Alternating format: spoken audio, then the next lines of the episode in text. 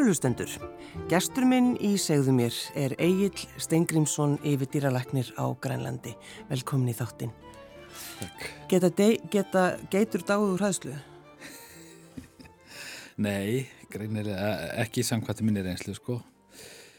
Þú ert að fiska eftir sögu, er ég, um, um hundin minn Uglu sem að hefur fyllt okkur frá Blöndósi til Brussel þar sem þessi saga gerist og er núna í, í svona hvað kalla maður þetta, pensjón í. Núk uh, eðir 11 árum þar.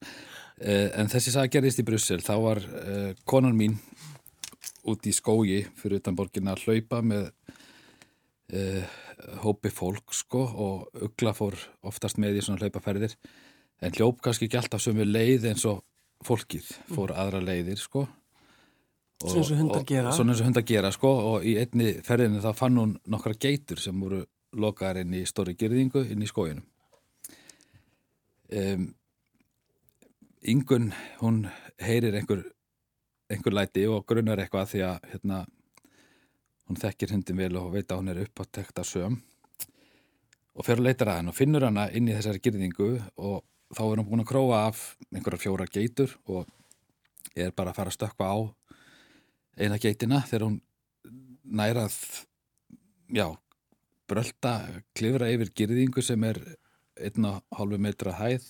Hún veit náttúrulega ekkert hvernig. Nei, nei, hún man ekkert hvernig hún fór að því sko, en hún komst yfir gerðinguna og gegnum eitthvað taf af brenninettlum og náði að stoppa hundin áður en heldur, hana, áður en heldur að hundur er reyðast á geitina og þegar hún er búin að stoppa hundin þá byrjar hann náttúrulega því að tukta hann aðeins til því að það þarf að ná aðeins sambandi við hundin aftur því að hún er bara í svona veiði mót einhverju svona uh, og, og hérna og þegar hún er að því að, að tukta hundin til þá kemur eigandi geitana og náttúrulega og er alveg forviða og, og spyr hann hvað hún sé að gera þarna og hvern fjandan hún sé að gera við hennan hund. Já. skamma hundin en hún hafði náttúrulega ekki séð eh, veiði aðferðirnar að En hva, hvað tegund er þetta? þetta er hundur hún heitir Ugla, hún er Alaskan Malamút. Þetta er svo að sleða hundakín frá Alaska.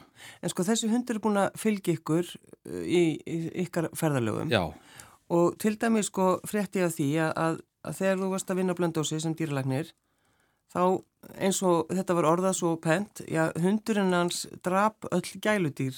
Þetta er kannski eitthvað smá íkt. það er, það er íkt sko, en það er alltaf, það er eitthvað smá sannleikur í þessu því að hún einu sinni þá slapp hún út úr garðinum okkar og týndist og fannst í garði ekki langt frá þar sem hún var búin að brjótast inn í kanínuhús og náttúrulega náðum sér í tvær kanínur þar og var búin að geta helmingin af annari þegar ég þegar ég fann hana þannig að þetta var já, foreldrarnir voru það voru börn sem átti þessar kanninu sko, foreldrarnir voru ekkit, svo óhressir með þetta því að þú voru kannski orðin þreytt á kanninunum en börnin, við þurftum að kaupa nýja kanninu fyrir börnin Já. alltaf.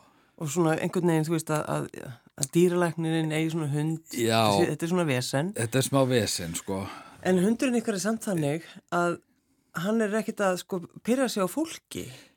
Nei, hún er, hún, þessi, þessi, þessi hundakín, sko, þessi sleðahundar, þeir eru yfirleitt, eh, þeir, það er mikið veiðeðli í þeim og, og þeir náttúrulega, og þeir eru mjög ákveðni, sko, en þeir, það er ekki til grimd e, í þeim við manneskjur. Mm. Það er bara ekki til. Það er ekki, þeir hafa verið, sko, þeir eru náttúrulega notaði til að halda hita á börnum og allt svoleiðis í, í þessum, eða voru þannig í gamla daga, þannig að það er, eh, það er til dæmis ef að kemur fólk heim hún, hún, hún geltir aldrei að fólki eða neinu svoleiðis eða, eða, eða það var með þessi brotist inn hjá okkur í Brussel sko og ég hugsa að innbráðstjóðunar hafi þurft að íta henni svona frá hurðinu þegar það er opnuðu sko. Eða það var allan þannig þegar löggan kom hún lá, löggan kom á eftir til þess að, til þess að taka hérna einhverja skýslu Já. og þá komuður inn sko og þá lág hún í andirinu og þeir þurft að klofa yfir hundin til þess að komast inn í húsið þannig, að, þannig er þessir hundar þeir, En, en er ekki hundurinn þá akkurat núna á réttum stað að, að sko í nú? Núna, jú, núna myndi ég segja það. Ég lofa henni því líka, sko, eftir að hafa búið í Brussel í, í fimm ár í hitanum þar, Já.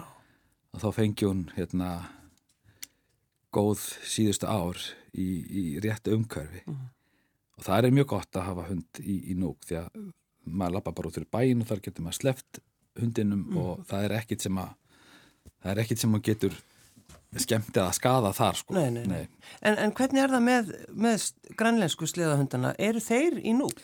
Nei, þeir eru ekki í núk. Það, þeir eru svona, uh, það er gert til þess að venda grænlenska sleðahundin fyrir sjúkdómum og, og líka til þess að venda hérna, stopnin sem sagt að, að það blandist ekki aðrir hundar inn í þennan hundastopp þá, þá er þeim haldið sér í sér skilgarindu svæði sem er í rauninni bara norður hlutin af Grænlandi og Östuströndin sko. Þannig að þangað inn meg ekki koma aðrir hundar og hundar sem að fara þaðan til dæmis, aðrir sleðahundar eða eru þá meg er ekki komað tilbaka. Já, Þetta er, og, þetta er svona eins og íslenska hestin, Já, þetta er svolítið svipað, eh, þetta er svona einstakur stofn sem er verið að reyna að venda. En um, munu þeir bara hverfa einn daginn eða hvað? Mm, Ég held ekki, Þeir, þeim hefur fækkað mjög mikið, þeim hefur fækkað sennilega næstu því 50% á einhverjum 20 árum sko. Ég held að sé ekki nema svona 13-14 þúsund hundar núna til af þessari tegund. En uh, þeim fækkar náttúrulega því að það er uh, miklu hendur að stunda veiðar, þetta er náttúrulega veiði uh, tæki á vélsleðum, núna er núna nota menn vélsleða og, og, og nútíma tækning til þess að ferðast um. Þannig að þeir eiga undir að sækja svo líka náttúrulega að því að bæir stækka og, og, og breytast og það er ekki lengur svona gutteraðum að þú stjert bara með heilt hundastóð inn í miðjum bænum. Nei, nei, nei. þannig að fólk þarf að halda hundana fyrir utan bæina og þetta verður allt mikið erfiðar og dýrara fyrir fólk að eiga þessi dýr. Þannig að þeir, þeir eiga undir högg að sækja í, í þessari upprunalegu mynd sko, sem, sagt sem vinnu og veiðidýr En er, ekki að- mikilvægt að mynda að reyna að halda? það er mikilvægt stofni? að reyna að halda þessu stopni við og það, það er verið að reyna að gera það ríkistjórnin hefur uh, er að styrkja bæði veiðimenn til þess að stunda veiðar á hefbundir hátt Þeir, það eru svæði þar sem þeir fá greitt sérstaklega fyrir það Mhm. og svo náttúrulega líka eru uh, hérna kerð uh, það er bólusetningaprógram til þess að til dæmis það er verið að bólusetja fyrir hundaæði og, og, og hérna hérna parvovírus og, og uh, hérna hvað heitir hinn sjúkdómurinn? Hún, hún er sugi, ég man nú ekki Já. hvað það heitir á íslensku það er kanindistemper það er, er veiru sjúkdómar hjá hundum sko, sem er verið að þannig að það er svona það er gert ímislegt til þess að halda lífi í þeim. Mm. Og, og, en það þarf meira til samt sem áður til þess að ég hef svona reyður að reyna að segja þeim frá uh, sögu íslenska hessins hvernig okkur tókst að gera íslenska hestin að útflutnings uh, vöru Mhm. það er til dæmis, uh, ég veit ekki hvað það eru margir hestar í útlöndum eins og Þískalandi til dæmis, ég held að séu orðið langt margfalt fleiri hestar í útlöndum heldur en á Íslandi, íslenskir hestar og þetta er orðið tölvert verðmætti einn hestur er mjög verðmætur. Í dag er einn sleðahundur ekki sérstaklega verðmætur. Þetta uh, ef það er eitthvað að þeim skilur þá er þeim bara loð eins og, eins og var gert í gamla dag með gömlu, gömlu hérna merarnar og stóðrossin eh, sem voru bara til kjötframlislu en ekki neitt annað sko. Þannig að eh, það er svolítið, það er svona líkindi með íslenska hestinum og grænlenska sleðahundur Já, nákvæmlega. Uh, Sko, hvernig er það? Eru, Danir, eru, eru grænlendingar jafn hrifnir af dönsku drottninginni eins og drottningin er hrifin af Grænlandi? Og Henrik ég, ég, náttúrulega. ég veit ekki hvort þeir eru jafn hrifnir því að ég, mér, mér finnst allavega en að mér, eh, drottningin og Friðrik Já, sérstaklega Friðrik, séu- séu mjög, mjög hérna hrifin af grænlandi Já, en hann hei- mjög búning, búningin, hann já, klæðist og þeir já, já, bæði. já, já, já, og hann, hann, hann, hann reynir að koma oft til Grænlands en, en hérna, yfirleitt eru þeir ánæður og stoltir af uh, drottningunni, Já. grænlendingar ég var svolítið hissa á því því að ég sjálfur hérna, sem Íslendingur er náttúrulega ekki, ekki vanur svona kongafólki, þeir eru náttúrulega þeir hafa búið við þetta í síðustu 300 árin Já, já. Þannig að þeir eru svolítið stoltur af því en þeir vilja samt sem áður svolítið losna við daninn að það er svona meiri hlutin sem vill eh, vera sjálfstæður.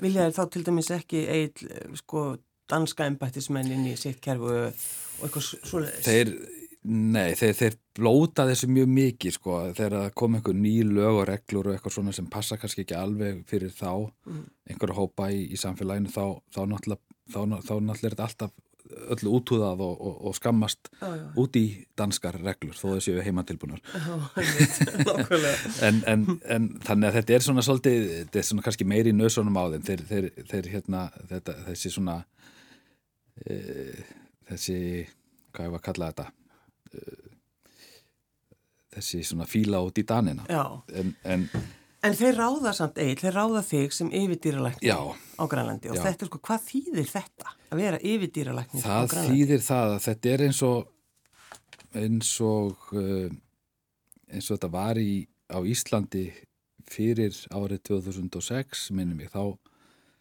þá var búin til á Íslandi matvælastofnun. Áður þá var yfirdýralæknis embættið, þá var það deildinn í landbúnaðaraðanetinu og þannig er þetta á Grænland í dag. Þannig að þessi staða sem ég er í, þetta er í rauninni bara snýst um það að stjórna þarna lítilli deild sem sér um málefni matvælastofnunar í raun og veru á Grænlandi. Er, ertu þá bara svona eins og sagt, svona möppudýr? Ég er möppudýralæknis, já. Já, ég ætla að hafa það í Já, kynningu. Já, Já.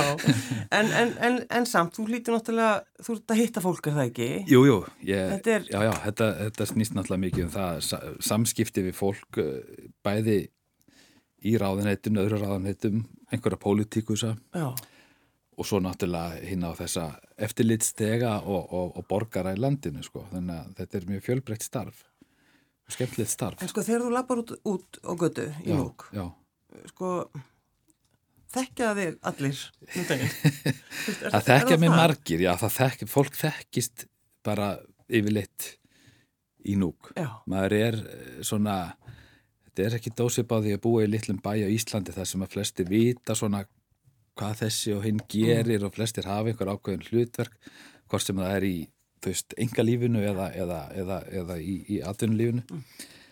Þannig að það er svolítið skemmtilegt að ég allavega þrýfst mjög vel í svoleiðis umhverju þar sem að maður veit eitthvað um fólk og maður veit að maður sjálfur hefur eitthvað hlutverk og hvað hlutverk aðrir hafa og, og svona þannig að þegar maður fer í bæin eða, eða búðin eða eitthvað þá hittir maður yfirleitt einhvern sem maður getur spjallað við og svona þetta er mjög hugulegt umhverfið þannig. Já, og, og grænlendingar eru mjög opnir. Þeir hérna það er auðvöld að kynnast þeim finnst mér. Og, og, og svona og þeir eru fljótir að þegar þeir taka manni sko þá er maður eins og maður sé búin að vera vinuð þeirra bara í tíu ár sko. Þeir segja manni allt. Já, það já, já, alveg sko það er ótrúlegustu sögur sem að maður fær bara bara út á götu sko. Já, bara við að- mjölkukæli Já, já, já, já það, þannig að það, þetta er hérna þetta er skemmtilegt samfélag. Og þeir eru sem, sem fólk sko þá eru þeir kannski svolítið líkir Íslendingu því að þeir eru svona pínuliti kærulausir. Já. já þeir nota mikið ajungjilag sem, sem er bara annað orði við þetta rettast, grannlegaska orðið við það. Já, eða, eða það þýðir bara, það þýðir rauninni bara þú hefur það gott, Já. allt, allt er í góðu allt í góðu sko. Bara sama og þetta Já, í rauninni já, þetta reddast. Já, þetta rettast Já, þannig að þeir nota þetta Þeir nota þetta, já og, Er þeir jafn stoltir að því eins og við? Okkur finnst það alltaf svo Já, æðislegt, þeir sko. eru svolítið ánægð með þetta. Já. þeir, þeir hafa þeir, þeir, þeir eru hérna, þeir eru góður í að aðlagast hlutum. Þeir hafa náttúrulega þurft að gera það í gegnum tíðina sko. þeir til dæmis ef að ef að, ef grænlendingur missir að flugi það gerist nú ekki dósjaldan í, í, á grænlenda að flugum er frestað eða þú situr fastur eitthvað staðar upp í, út í raskati getur maður eiginlega sagt sko. Og hefur ekkert annað að gera en að horfa á veggin og, og, og bara sjá málinguna þarna eða eitthvað svo leið sko þá þeim finnst þetta bara ekkert tiltöku mál, þeir kipa sér ekkert upp við þetta. Nei. sem við erum náttúrulega, við, við verum mjög pyrrið sko ef við sittum eitthvað föst í og þurfum að gista í einhverju litlu herbyggi með tíu öðrum á gólfinu á dínu þetta er ekkert, ekki. nei þetta er bara ekkert mál fyrir grænlendinga Mm. þeir eru bara vanir náttúrulega þessu og En Egil, af hverju sóttur um þetta starf? Já, það var eh, smá æfintýra mennska í raun að því að ég náttúrulega, náttúrulega kannski kannski hérna að því að mér langaði, hefur alltaf langað til að komast til Grænlands. Eh, alltaf haft mikið náttúrulega á landi og þjóð. Og uh, veit náttúrulega hef séð myndir af úr náttúrunni og svona og veit að þetta er eitthvað sem mér langar til þess að kanna betur. Og þegar ég á ein, eitt ár eftir af uh, samning, samninginum mínum í, í Brussel, þar sem ég starfaði áður, þá sé ég stöðu auglista og ákveð bara að sækja um það. Það var svona, já, þá sá ég tækjaferð til þess að komast í til Grænlands og vera þar í einhvern tíma og kynnast þessu landi almeinlega, ekki bara sem ferðamæður, heldur bara að búa þar. Mm. Og mjög þakkláttur fyrir að hafa fengið þetta starf og, og líka fyrir það að hérna, konan og, og yngri sonur okkar sem er ennþá hjá okkur þá, hann, hann var alveg til í að koma með Mm. og það hefur gengið mjög vel og bara svona til þess að nefna eitt kannski e, dæmið eða svona það sem að maður kannski finnst mest e, þá sem fekk mest út úr þessari grænlands dvöl eða hefur hingað til, það er Kári, sonur okkar sem er 12 ára gamall þegar við flytjum til Grænlands. Kannski svona á svolítið viðkamum aldrei til þess að fara að flytja svona byrja að vera unglingur og, og hérna og flytja í nýtt land, nýjan skóla. Hann kemur, hann er búin að vera við erum búin að búa í Brussel í fimm ár þar sem hann, hann skólaganga hefur öll verið í einhverjum engaskóla þar sem að allt er náttúrulega super fínt og flott og, og, og bara einhverju miljónamæringar í þessum meðan með bekk sko. Og koma svo í skóla á Grænlandi þar sem að hlutinir líkjast meira því sem að ég eða mín kynnslóð er vön frá skólanum sko þar sem að menn það voru slagsmál á göngunum og það var hoppanir á þakinu, nýri snjóskablinn og allt þetta sko. Já, já. Þannig var, er þetta ennþá á Grænlandi Já.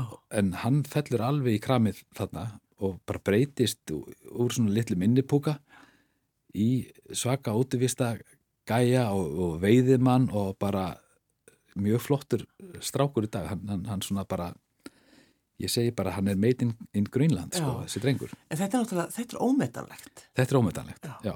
Og líka bara að hafa tækifæri sem, sko, sem foreldri að fara með, hérna, börnunum sínum í svona ferði, sko, veiðiferðir og annað, bara út í náttúruna og, og hann er alltaf til í að koma með. Aldrei neitt eitthvað, nei, nei, ég ætla bara að vera heima núna, hann er alltaf, alltaf til í að koma út og, og leika sér með pappa sínu. Hvað eru þið að veiða þá?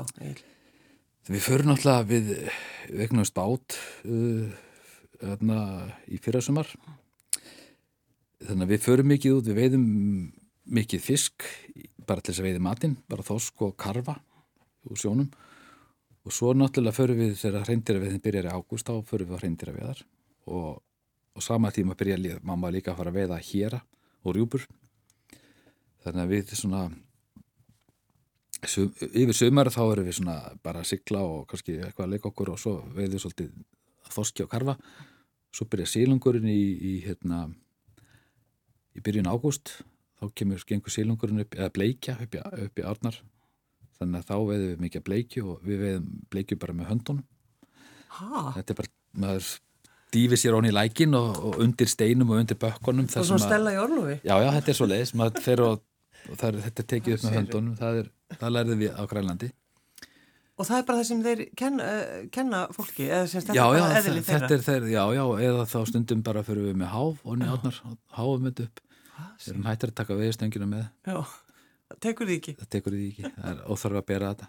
En svo, og svo náttúrulega eru aðalsporti er náttúrulega veða hreindir, það er svona, Og fer hann með í það? já, já, hann fyrir mér í það. Hann fekk, hann fekk sér sko, hann hérna, hann valdi nú að fermast ekki, en fekk samt fullt af fermingagjöfum og kefti sér náttúrulega riffil fyrir peningin. Já, bara eins og 16 ára, 13 ára Já, bara gera. já, já, alveg, já, já, það er bara þannig. Hver er konaðinn? Hún heitir Ingun Áskistóttir og hún er kennari og hún, hún hefur líka þess æmyntir að þrá þannig að það hefur ekki verið neitt vandamál fyrir mig að uh, plata hana með mér hvað sem er að blöndós eða til núk sko. Eða er- Brussel, þetta er Brussel, svo ólíki já, staðir. já, já.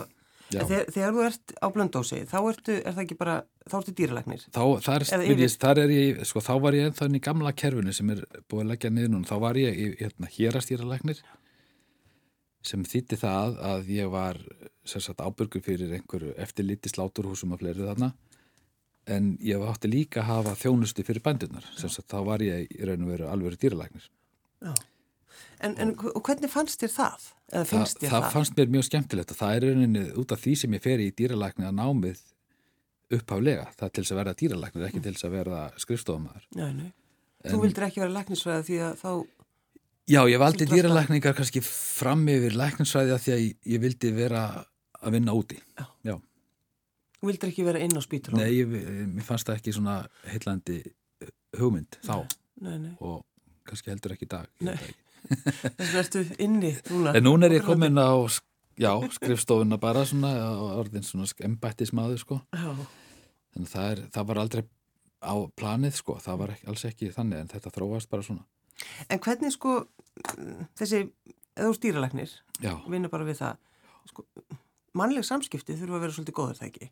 jú, þetta snýst mest um það. Það er sennilega, er flest störf þannig því við þurfum alltaf að vinna með fólki yfirleitt eh, í flestum störfum og þannig að, þannig að þetta er ekkit öðru sem það. Þú þarf náttúrulega að hafa sambandið fólk, fólk þarf að ná í þig og þú þarf að tala við fólk og þú þarf að segja þeim alls konar hluti hvort sem eru góða fréttir eða slæmar Mm -hmm.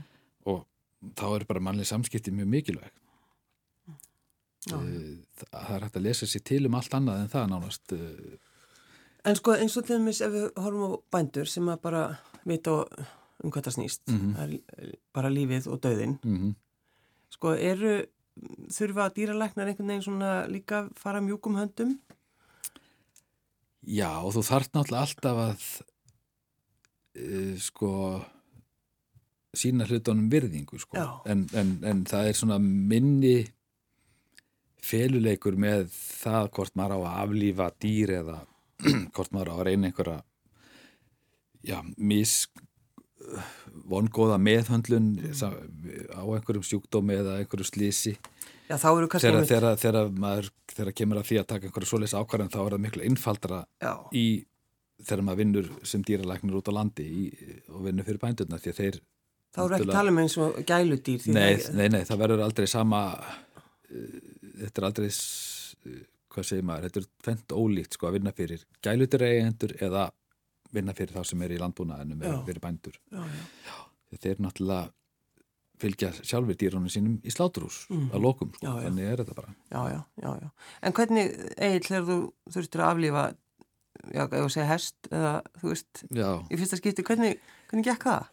Eh, Það gekk í rauninni mjög vel sko því að svona oftast er það þannig að ef maður, ef maður er í þeirra aðstöð að maður þarf að aflífa hest eða svona stærri dýr þá nota maður bara Já, og, og, og hérna og það er ótrúlega áhrifaríkt og, og í rauninni fljótlegasta leiðin mm og kannski minnst sásakafull fyrir alla ef að menn hafa eh, svona, já, sumir hafa kannski finnst þetta svolítið svona já, ofbeldisfullt eða svo leiðis en, Já, já. en það er e, áhrifin eru, eru þau sömu sko og, og kannski bara tekur fljótar af en, en þegar maður er í sem dýrlækna þá þurfti ég náttúrulega líka ofta að aflífa hunda fyrir hundaeigendur og svo leiðis og, og oft var það þannig að maður fór inn á heimili fólks til þess Já. og fólk vil náttúrulega gert gera það þannig, fá bara dýralæknum staðin, þannig að þetta geti allt gerst í sínu svona sem áfalla minnst fyrir, fyrir dýrið og fyrir eigendurnar. En það var miklu, miklu erfiðara. Já, já, að hafa eigendan við hliðinar sér að vera eh, svæfa einhvern hund eða kött.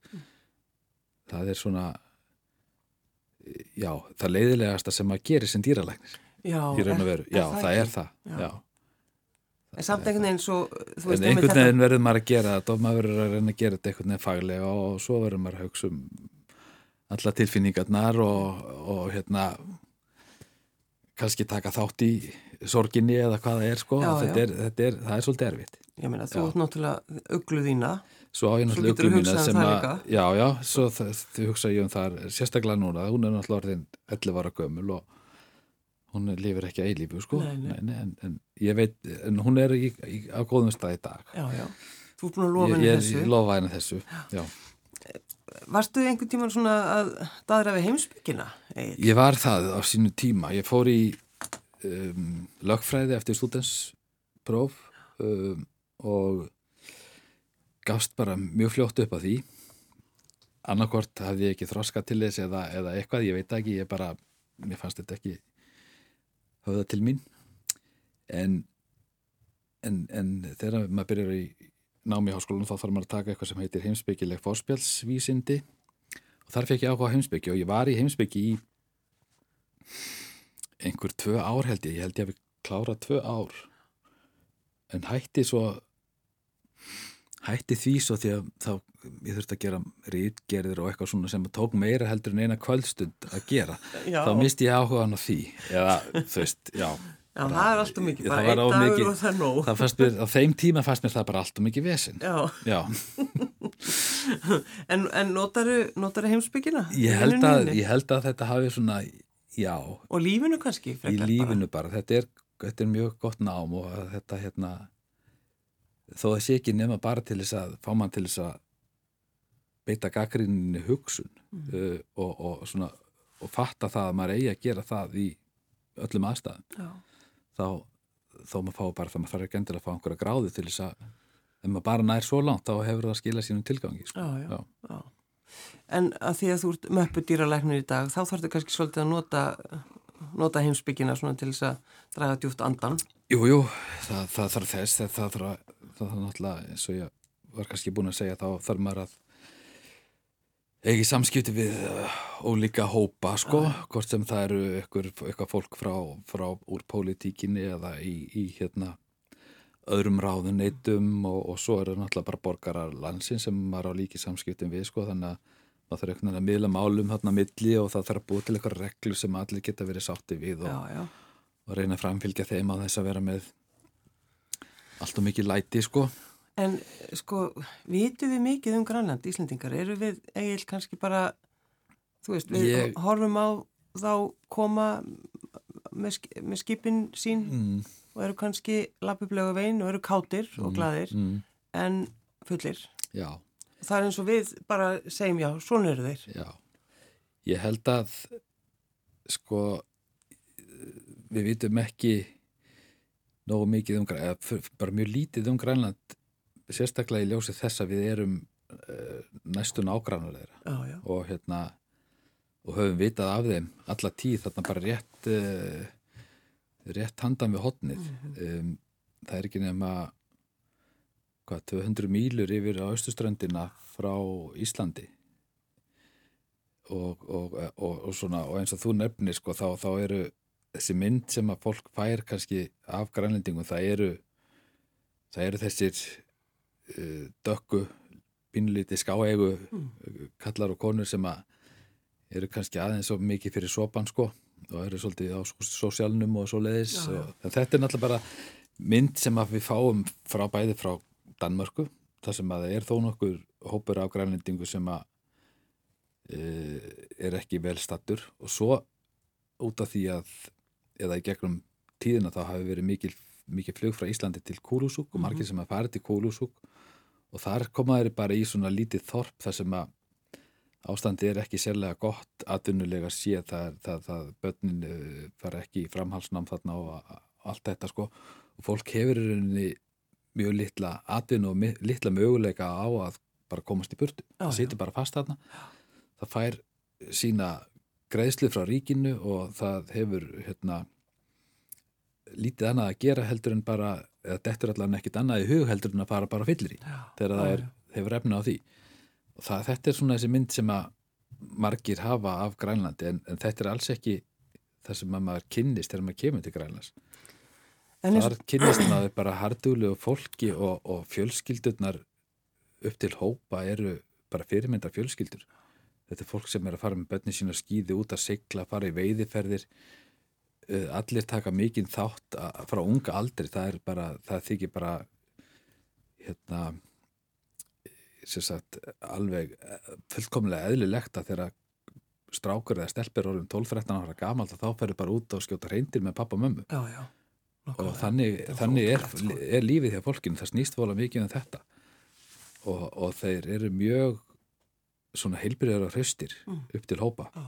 ég er svolítið að hlaupa þarna í svona fjallahlaupum og svo leiðis og, og bara þeir grænlindikar sem að stunda íþrótti þeir eru bara ótrúlegi sko. það er alveg bara ég er dáist að þessu fólki alveg út í eitt sko. En, en unga fólkið og, og pólitíkin er ekki svolítið, Jú, það er svona reyfing í, í hérna ákveðna átt í, Og þeir sjá framtíð, sko. þeir sjá framtíð, fólk er, það er náttúrulega, það sem betur fer þá, þá svona þokast þetta í rétta átt. Það eru fleiri en áður sem að sækja sér mentun og það er ákveðin svona hópur ungs fólks sem að sem að hefur einhverja svona visjón uh, einhverja sín um framtíðina sko. Og uh, og hérna sem er að sjálfsögðu sjálfstætt land en, en það, það, það, það, er, það er nú svolítið í að það geti verið raunveruleiki. Já. Það vantar, það vantar náttúrulega fleiri hjólundir efnahagsvagnin sko, það er fisk, fiskerið er, er aðal 99% örgulega innkomin í dag sko fyrir utan eh, peningana sem þið fá frá Danmörku og svo þurfa náttúrulega fleiri grænlendingar að sækja sér mentun og koma tilbaka til Grænlands Það og vinna. það að Því að embættismannakerfið er háð því að það komi fólk frá Danmörk Já. og vinna þar. Það er ekki til uh, nóg mikið mentafólk til þess að sjá um það.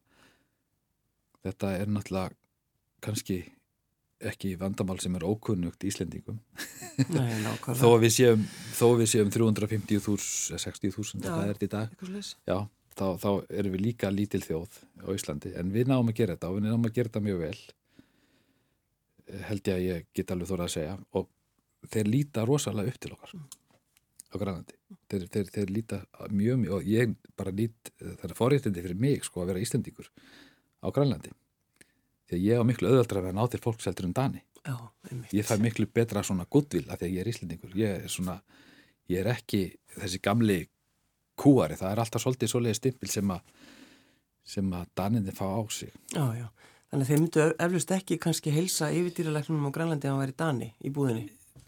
Jú, þeir myndu nú gera það sko en eru ég fæ kurteisir. klappa aukslina líka sko það er allt annað. Já. En, en hvað hva ætlar að vera lengi í núk? það, ég veit það ekki sko kannski þurftu bara að spyrja uglu að því Já, ég held að, að aukla fá að vera það til yfirlíkur. núna erum við kannski eitthvað að byrja að sjá skoða okkur skoða eitthvað nýtt því að báðir sko eldri strákurinn okkar, hann hefur alltaf verið á Íslandi eftir að við fluttum hann flutti ekki með okkur til Grænlands yngri strákurinn er komin í skóla í Danmörku í framhaldsskóla þar, þannig að nú erum við tvö eftir og þá bara tekum að stöðun upp á nýtt Já. en það er ekkit, ekkit vist að við flytjum samt, það er ekkit En finnið þið fyrir svona, er þið óróleg? Já, nú er, við erum búin að vera í fjögur ár Já. núna og svona oftast höfum við flutt á 5-6 ára fresti eða eitthvað annað. Já, en það fer bara allt eftir hvern, hvernig svona maður byrja bara á því að skoða hvar uh, og hvaða vinna er í bóði og hvar það er. Og svo kannski sækir maður um eitthvað og svo ef maður er heppinn þá fær maður eitthvað að gera. En, en okkur líður mjög vel að þannig að okkur líkur alls ekkit á að komast í burtu. Þannig að það er ekkit er ekkit uh, ekkit svona, hvað hefur að segja ekkit, það er engin plön í gangi ennþá en, en, en að sjálfsögðu byrja maður að, að svona skoða hlutin upp á nýtt þegar, það eru bara svona tímavót Mm. uh, hvort sem mann er líka betur að verða þá er maður bara orðið ákveðin gamall og börnin er orðin svona gömul og farin að heiman þá, þá tekur maður nýja stöðu Já, já. Já. Það er sem að, hvað maður að gera? Já, Egil Stengriðsson, yfirdýralæknir á Grænlandi. Takk fyrir að koma. Já takk sömulegis